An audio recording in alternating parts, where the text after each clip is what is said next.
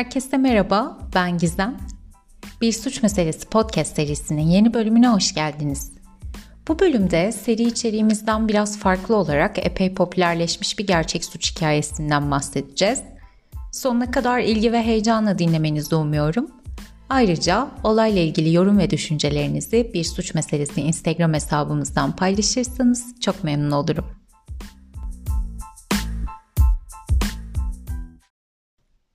Öncelikle iki haftalık bir aradan sonra geri döndüğüm için çok mutlu olduğumu belirtmek istiyorum.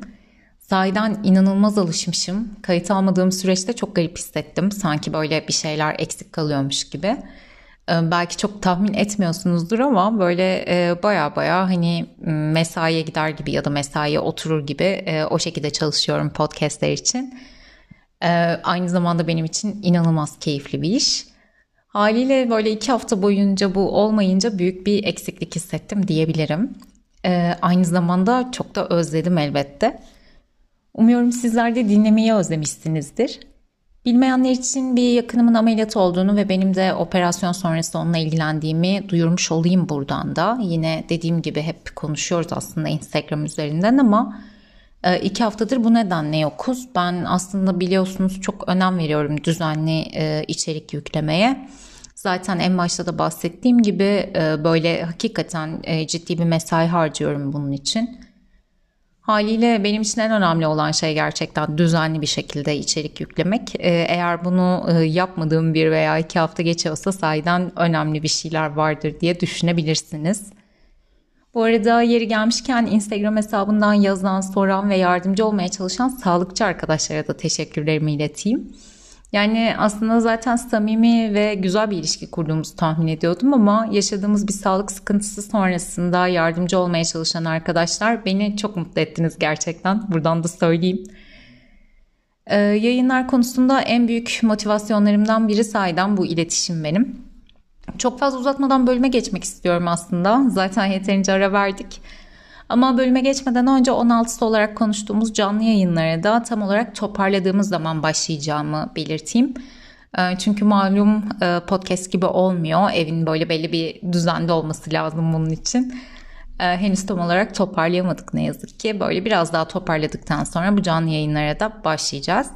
Aynı zamanda geçen hafta ertelenen Patreon bölümümüzde bu çarşamba veya perşembe yayında olacak. Bu hafta içerisinde kesinlikle olacak. Ee, böylece ayda iki ekstra Türkiye'den bölümü de tamamlamış olacağız orada. Biliyorsunuz orada da bir destekçimiz var. Çok teşekkür ediyorum ona da. Ee, dediğim gibi ciddi bir durum olduğu için geçen hafta onu da e, yayınlayamadık. E, kusura bakmayın demek istiyorum. Bölümümüze geçecek olursak bugün en başta da belirttiğim gibi çok da alışkın olmadığımız bir şey yapıp biraz popülerleşmiş bir davadan söz edeceğiz. Mevzu bahis suç dosyası Menendez kardeşlere ait. Bu hafta bu konuyu seçme nedenim birçok dinleyici tarafından özel olarak istenmesi aslında. Çok uzun süredir e, bununla alakalı konuşuyoruz.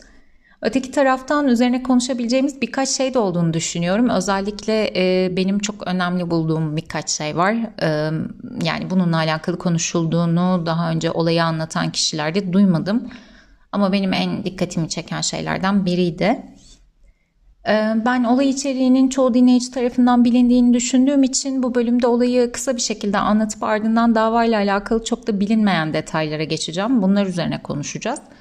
Aslında hani kısa bir şekilde anlatacağım dediğim normalde biliyorsunuz böyle belli bir konseptimiz var. Sizin de çok sevdiğiniz işte flashbackler yaparak gidip gelmeler. Ee, ben de çok keyif alıyorum bunu yaparken.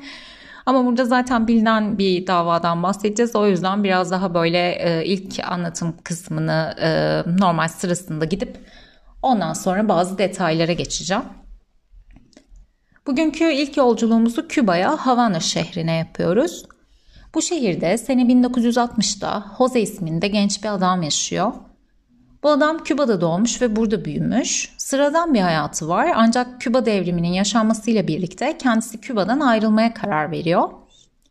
Ee, bu kısımda alanım olmadığı için böyle ideolojik bir tespit yapmaya çalışmak istemem. Ama devamında da Jose'nin ne kadar para kazanma tutkusuna sahip bir adam olduğunu göreceğiz.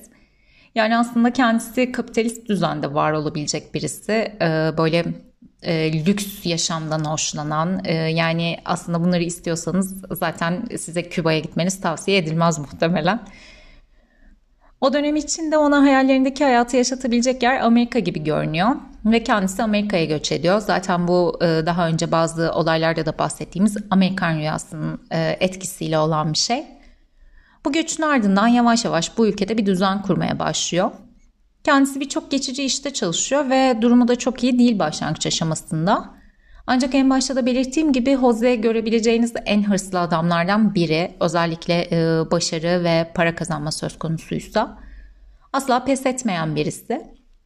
Kendisi 1961'de Kitty adında genç ve oldukça çekici bir kadınla tanışıyor.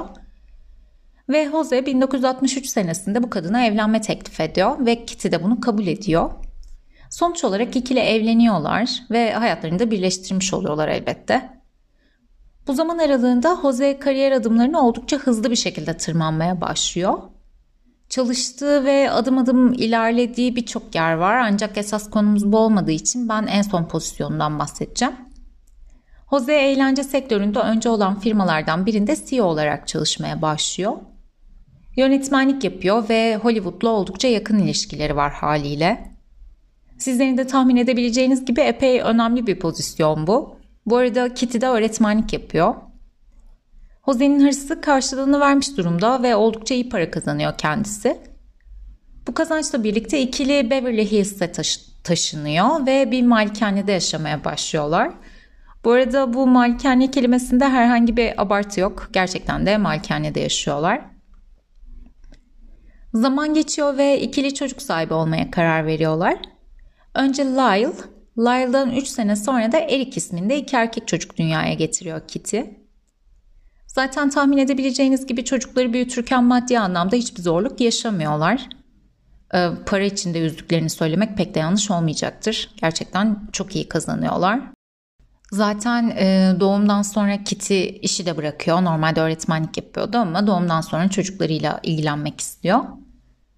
Ancak Jose en başından beri bahsettiğim gibi çok hırslı bir insan ve çocuklarıyla ilgili de hayalleri var. Özellikle e, kendi yapamadığı şeyleri yapmalarını istiyor. Aslında Jose de Amerika'ya geldikten sonra muhasebe eğitimi alıyor bir üniversitede ama e, genel olarak çok genç yaşta buraya göç ettiği için e, zannediyorum ki o istediği akademik kariyeri yapamamış bir insan.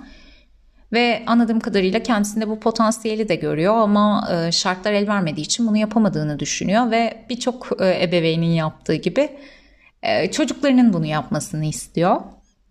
Kendi hayallerini çocuklarına dayatan ebeveynlerle ilgili hepimiz sorun yaşamışızdır sanırım. Ancak anladığım kadarıyla buradaki baba figürü tahmin edebileceğimizden çok daha baskıcı. Aslına bakarsanız çocuklar maddi anlamda çok küçük bir yüzdenin sahip olabileceği olanaklarla büyüyorlar ancak sürekli baskı gördükleri için mutlu oldukları söylenemez.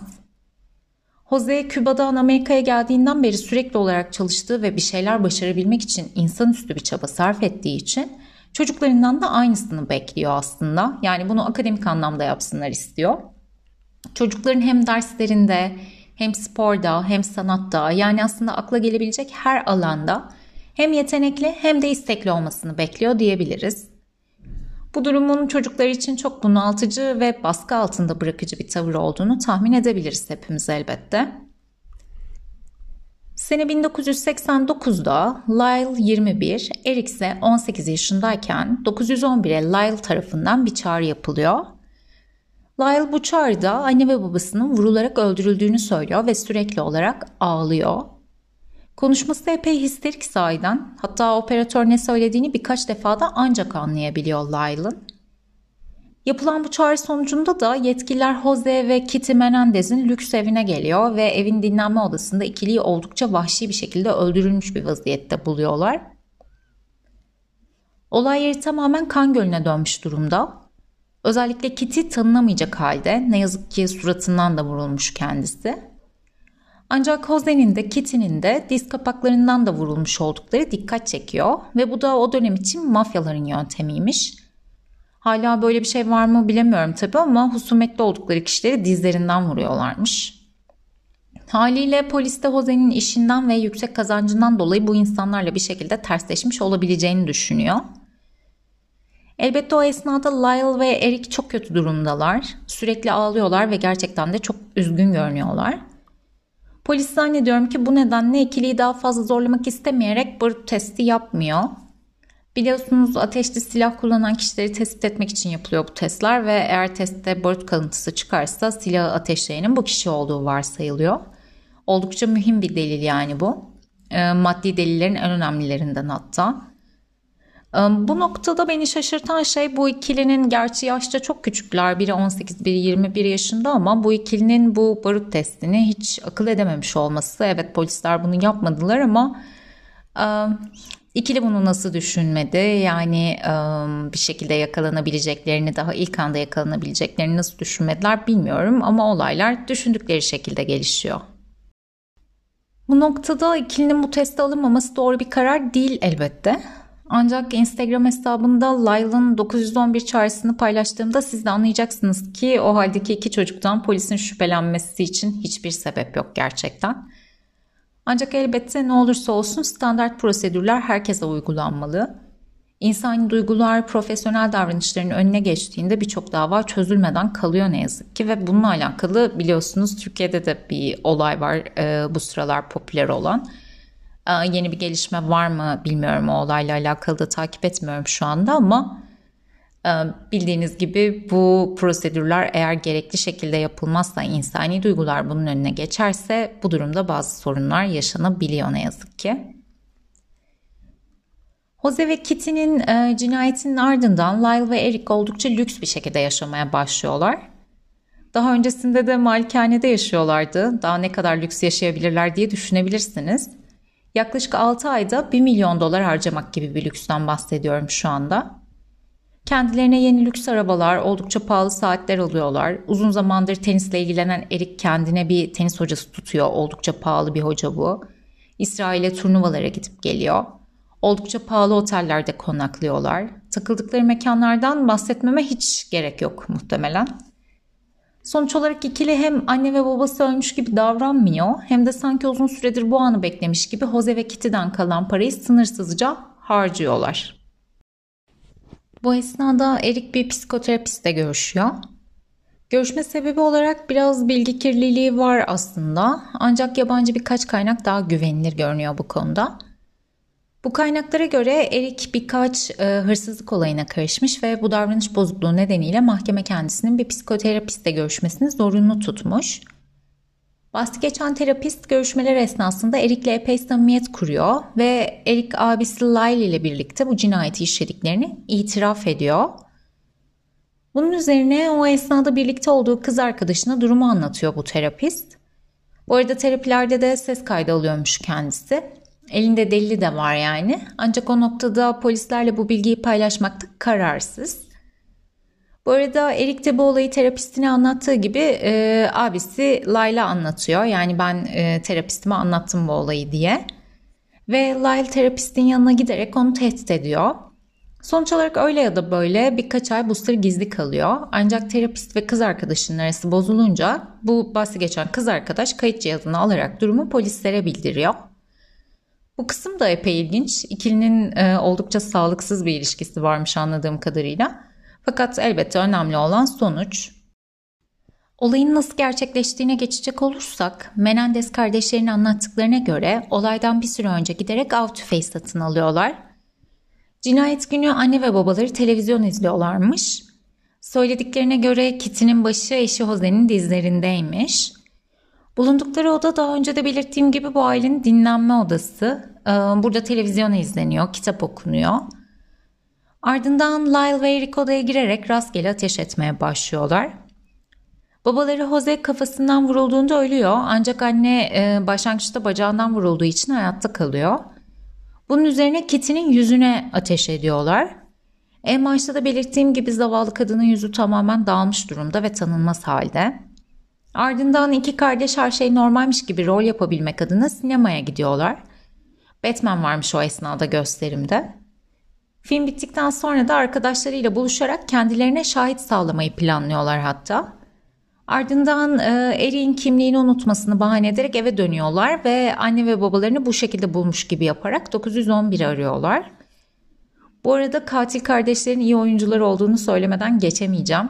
Çağrı esnasındaki o histerik tavrı başarmak herkesin yapabileceği bir şey değil kesinlikle. Kardeşler tutuklanıyor elbette bunun üzerine. Mahkemede işler biraz ilginçleşiyor çünkü kardeşler ve avukatları bunun nefsi müdafaa olduğunu savunuyorlar. Baba Jose'nin baskıcı tavrı haricinde kendilerini çocuk yaştan itibaren fiziksel olarak da taciz ettiğini iddia ediyorlar. Anne Kitty'nin de bu tacizlere sessiz kaldığı ve babalarının kendilerini sevdiğini söylediğini e, yine iddia ediyorlar. Bu arada oldukça medyatik bir olay olduğu için mahkeme kaydı Court TV'de yayınlanmış ve e, burada kardeşlerin anlattıkları kan donduran cinsten gerçekten.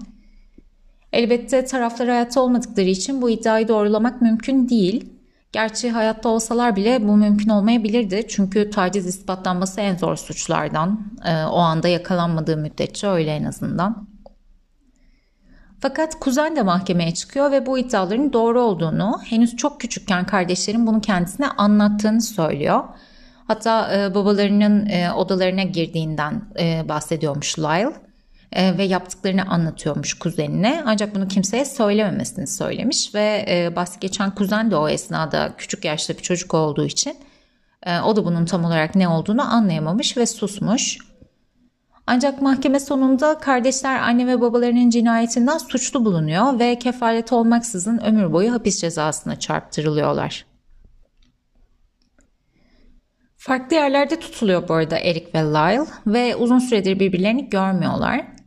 Posta yoluyla haberleşiyorlar. Peki bu davanın bu kadar sansasyonel olmasının e, nedeni ne? Bana kalırsa ailenin Hollywood camiasına yakın oluşu ve bilinen, tanınan zenginlerden olmaları bunun en büyük sebebi. Çünkü e, podcast içerisinde yani bu bizim serimiz içerisinde bahsettiğimiz birçok dava çok daha ilginç aslında. Ancak medyada çok da yer bulamamış. Yani meselenin bu kadar popülerleşmesinin ilk sebebi yüksek ihtimalle bu. İkinci olarak da çocukların ebeveynlerini öldürmüş olmasının üzerinde duruyor yetkililer. Bu nedenle e, çok dikkat çekici bir dava olduğundan söz ediyorlar. Ancak cinayet dosyalarına baktığınızda eğer bir seri katilden veya spontan bir cinayetten söz etmiyorsak katiller hep aile yakınları zaten. Bir şekilde çok yakın arkadaş olabilir, eş olabilir, anne olabilir, çocuk olabilir, kardeş olabilir. Bunları görüyoruz zaten çoğunlukla. Çoğu zaman... E, güven meselesi insanları daha korunmasız kılıyor ve mesele bu noktaya geliyor. Yani olayın bu kadar popüler olmasının nedeni Menendez ailesinin o dönemin ileri gelen ailelerinden olması kesinlikle. Üstelik eski de bir olay. Ee, neden e, bu dönemde bu kadar patladı bilemiyorum. Dediğim gibi birçok e, olay var esasında e, bu şekilde konuşulabilecek. Ama Menendez davası bir şekilde daha popüler hale gelmiş durumda. Taciz olayına değinmek gerekirse bu elbette çocuklar için oldukça travmatik. Mahkeme jürilerinden biri daha sonra e, ya bu olay gerçekten yaşandı ya da bu ikili çok iyi birer oyuncu diye düşündüm diyor. Sahiden de mahkeme esnasında insanlar Lyle ve Eric'in e, halinden çok etkilenmişler. Ancak bu noktada 911 çağrısına değinmeden geçemeyeceğim ben. Bu aramayı yapan kişinin ve daha sonrasında suç yerinde sürekli ağlayan iki kardeşin bu cinayetin failleri olduğunu asla düşünmezdim sanırım ben. Yani ikilinin iyi oyuncular olduğu bir gerçek.